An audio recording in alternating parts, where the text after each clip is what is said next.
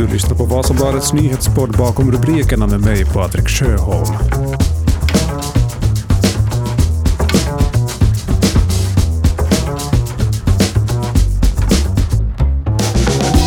Idag är det lördag den 2 april och i det här avsnittet av nyhetspodden så ska vi uppmärksamma en av den här veckans mest lästa och i mitt tycke mest intressanta artiklar som vi har haft på Vasabladet.fi den här veckan. Det handlar om en intervju som min kollega Jonny Hugares-Meds gjorde med, med Ukrainas president Volodymyr Zelenskyjs tidigare rådgivare Igor Novikov. Man fick i den intervjun en spännande insyn i hur jobbet kring information, informationskriget ser ut. För i intervjun så säger Novikov att det pågår ett hybridkrig. Det är dels kriget som sker på plats på marken, men det är också ett ekonomikrig och då ett informationskrig krig mellan de här två staterna. En väldigt intressant intervju där på sajten, men också ett väldigt intressant samtal här med Jonny Huggare Smeds. Det här är nyhetspodden bakom rubrikerna. Vi kör igång.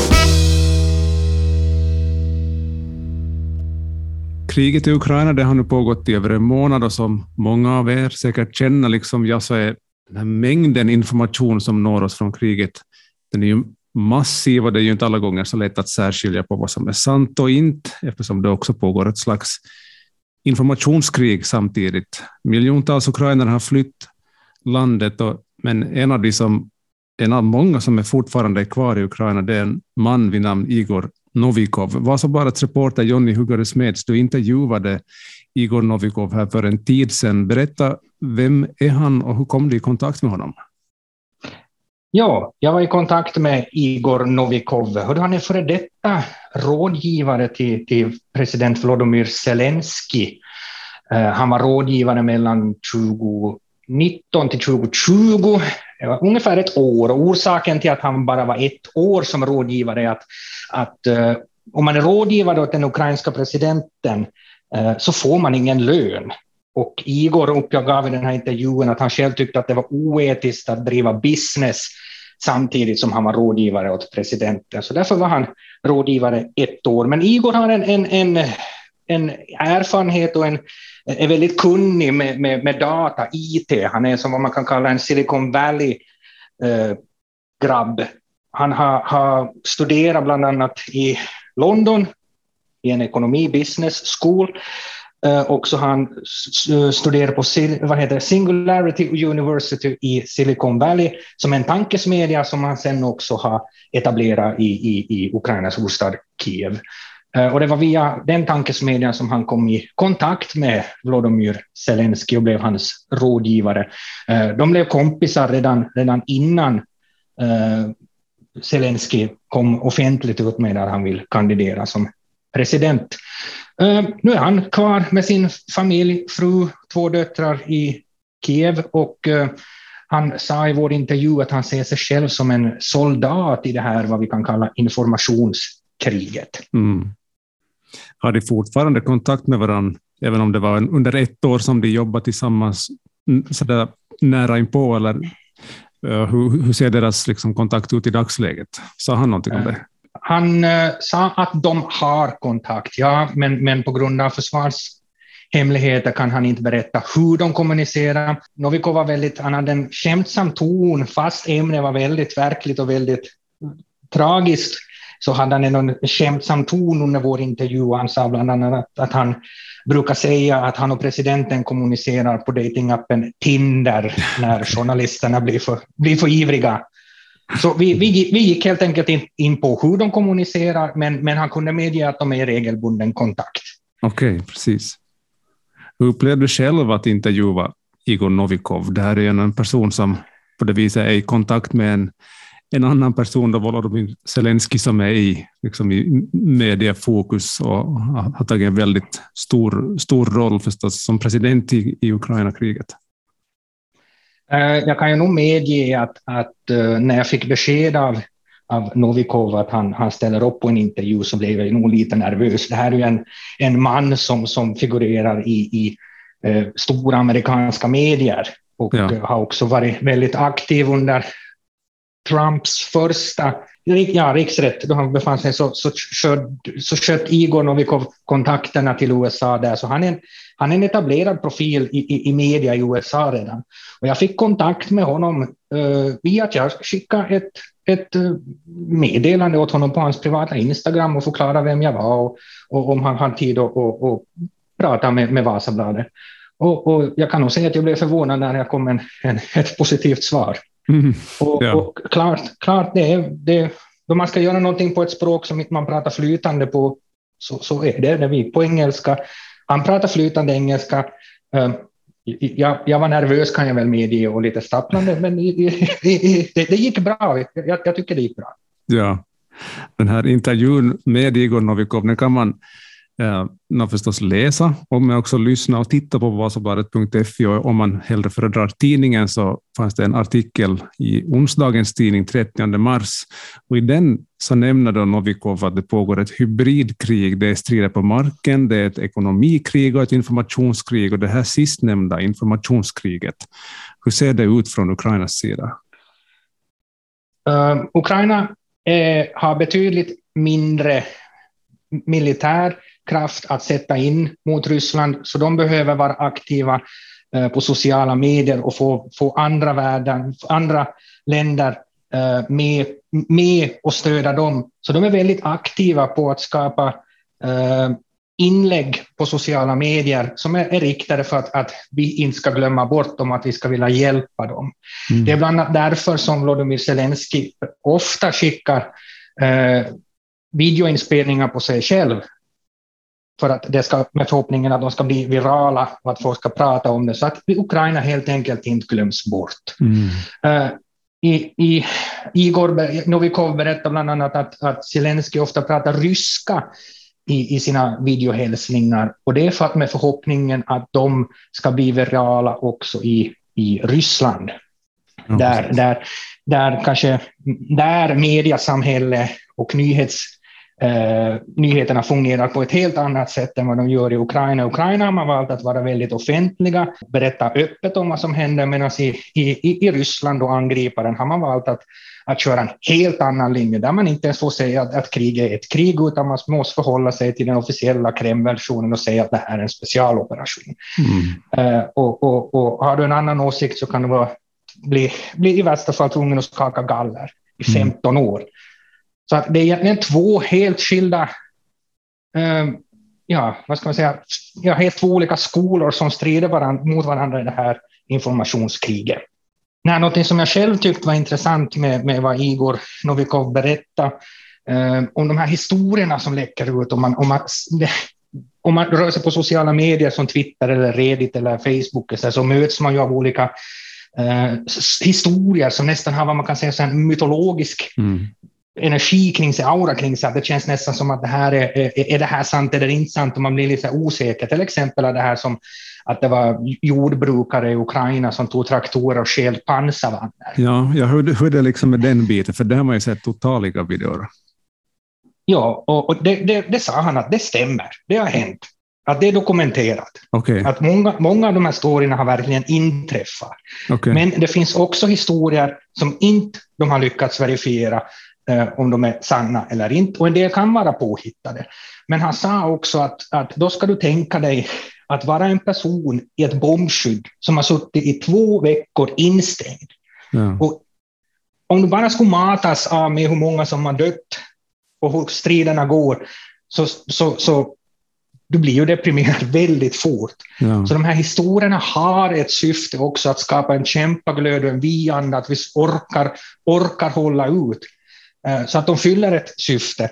Men ja, en del går att verifiera, andra går inte. Precis. Men de har ett syfte. Ja. När man då ändå pratar om att det är ett informationskrig så kan man säga någonting om, om den typ av informationskrig som då Ryssland för. Den ryska befolkningen finns för tillfället i en, i en bubbla, många av dem. Och att, att han, han, han använder ordet att de har blivit zombifierade av av propagandan som sker i, i uh, Ryssland. Att de, de tror på den som de blir matade av, av statlig tv, av statliga nyheter. Mm. Uh, det, det som Igor Novikov ville och, och var kanske lite också besviken på var att, att han skulle gärna vilja se att större profiler, stjärnor, influenser skulle, skulle engagera sig och ta tid till exempel att spela in en, en, en videohälsning till sina ryska fans. Han tog till exempel Justin Bieber som, som ett exempel, som också är en stor stjärna i Ryssland. Att hur kommer det sig att stora stjärnor av, i den kalibern inte kan ta en minut och filma ett budskap till sina eh, ryska fans? För, för Novikov menar att, att eh, eh, den ryska befolkningen har större förtroende för sina, för sina eh, favoritartister och favoritfilmstjärnor än vad, som, vad, vad den politiska makten säger. Mm. Där har vi sett till exempel Arnold Schwarzenegger spelar ju in en monolog också, som jag har förstått också fick väldigt stor spridning i både Ryssland och Ukraina. Ja, ja, den fick ju jättestor spridning och det tog ju inte länge sedan innan, innan rysk, äh, rysk statliga media började prata illa om vår, om, om, om äh, vår Terminator. Ja, ja, precis. Ja, för att både sociala medier och Eh, de flesta väl, jag kan inte garantera att alla, men det finns säkert någon som är fortfarande verksam i någon mån, men de flesta oberoende medier i Ryssland är också nedstängda, utan det är den statliga informationen som gäller nu för tiden. Ja, ja. ja tyvärr. Ja, exakt. Senast här för någon, för någon dag sedan så kom ju då uppgifter också om att det här har kanske lite att göra med det här informationskriget som, som Ryssland för, att senast för någon dag sedan så kom ju uppgifter om att de ryska planer som kränkte svenskt luftrum skulle ha varit kärnvapenbestyckade med många experter, alltså inte sådana som är självutnämnda, utan faktiskt de som kan sina saker, så hävdar ju att det här var bara Kremls påverkansoperation, att alltså man har försökt hävda att det fanns kärnvapen, men i själva verket är man bara ute efter att sprida oro, och det här får mig då att tänka på hela den här pågående NATO-diskussionen i Finland och Sverige. Det känns som att det rör på sig mycket där. Det får mig att tänka på också att just att de det fanns ju liksom de som menade att det här eh, att man ville bara skapa en, slags våg av oro, för nu vet man ju i Ryssland också att man i Sverige funderar på, på, på NATO, den diskussionen är väldigt het. Därmed att man på grund av med att med den här liksom få igång en sån här diskussion om att jaha, nu var det liksom kärnvapenbestyckade eh, flygplan som flög över Gotland här för någon vecka sedan. Att, uh, all, all media får ju nog verkligen också fundera på att vad, är det vi, vad är det vi publicerar och hur verifierat är det som vi publicerar och på Twitter finns det hur mycket som helst och hur mycket tid ska man sätta på att verifiera och bekräfta saker. Alltså det finns, den här informationen är nog svår för också, för jättesvår ska jag ändå understryka för oss som sitter och dagligen jobbar med de här sakerna. Absolut, och vi, vi har ju ändå en, en, en, ett förtroende att förvalta som, som etablerade och, och, och trovärdiga nyhetskällor. Att man kan ju man måste nog verkligen gå på tå när det gäller sådana här stora frågor och vad man egentligen då går ut med. Att säga att ett flygplan har kärnvapen och flyger över och kränker luftrum och inte kanske då har helt mm. eh, har det helt, att man är absolut bombsäker på det, att det här är verkligen sant. Eh, det skapar onödig kalabalik, ja. Eh, kan jag tycka. Det är min personliga åsikt. Mm. Eh, att, att vi, vi, behöver inte ett, ett samhälle nu i kalabalik som springer iväg på alla rykten hit och dit. Jag menar, det, det kommer troligen att komma mera rykten, mera konstigheter och, och, och, och mycket kanske sånt som kan göra oss oroliga. Jag menar, Finlands säkerhetspolis, de går ju inte ut med en sån här varning om att det, att det kommer att att det pågår påverkningskampanjer i, i, i NATO-frågan och säkert mm. också i andra frågor. De går ju inte ut med en sån varning om inte finns ett, ett, ett reellt hot om att det händer. Mm. Vi har nog ett medier har ett absolut viktigt förtroende att förvalta nu och inte springa iväg på eh, sensationsnyheter och, och, och, och eh, lösa rykten.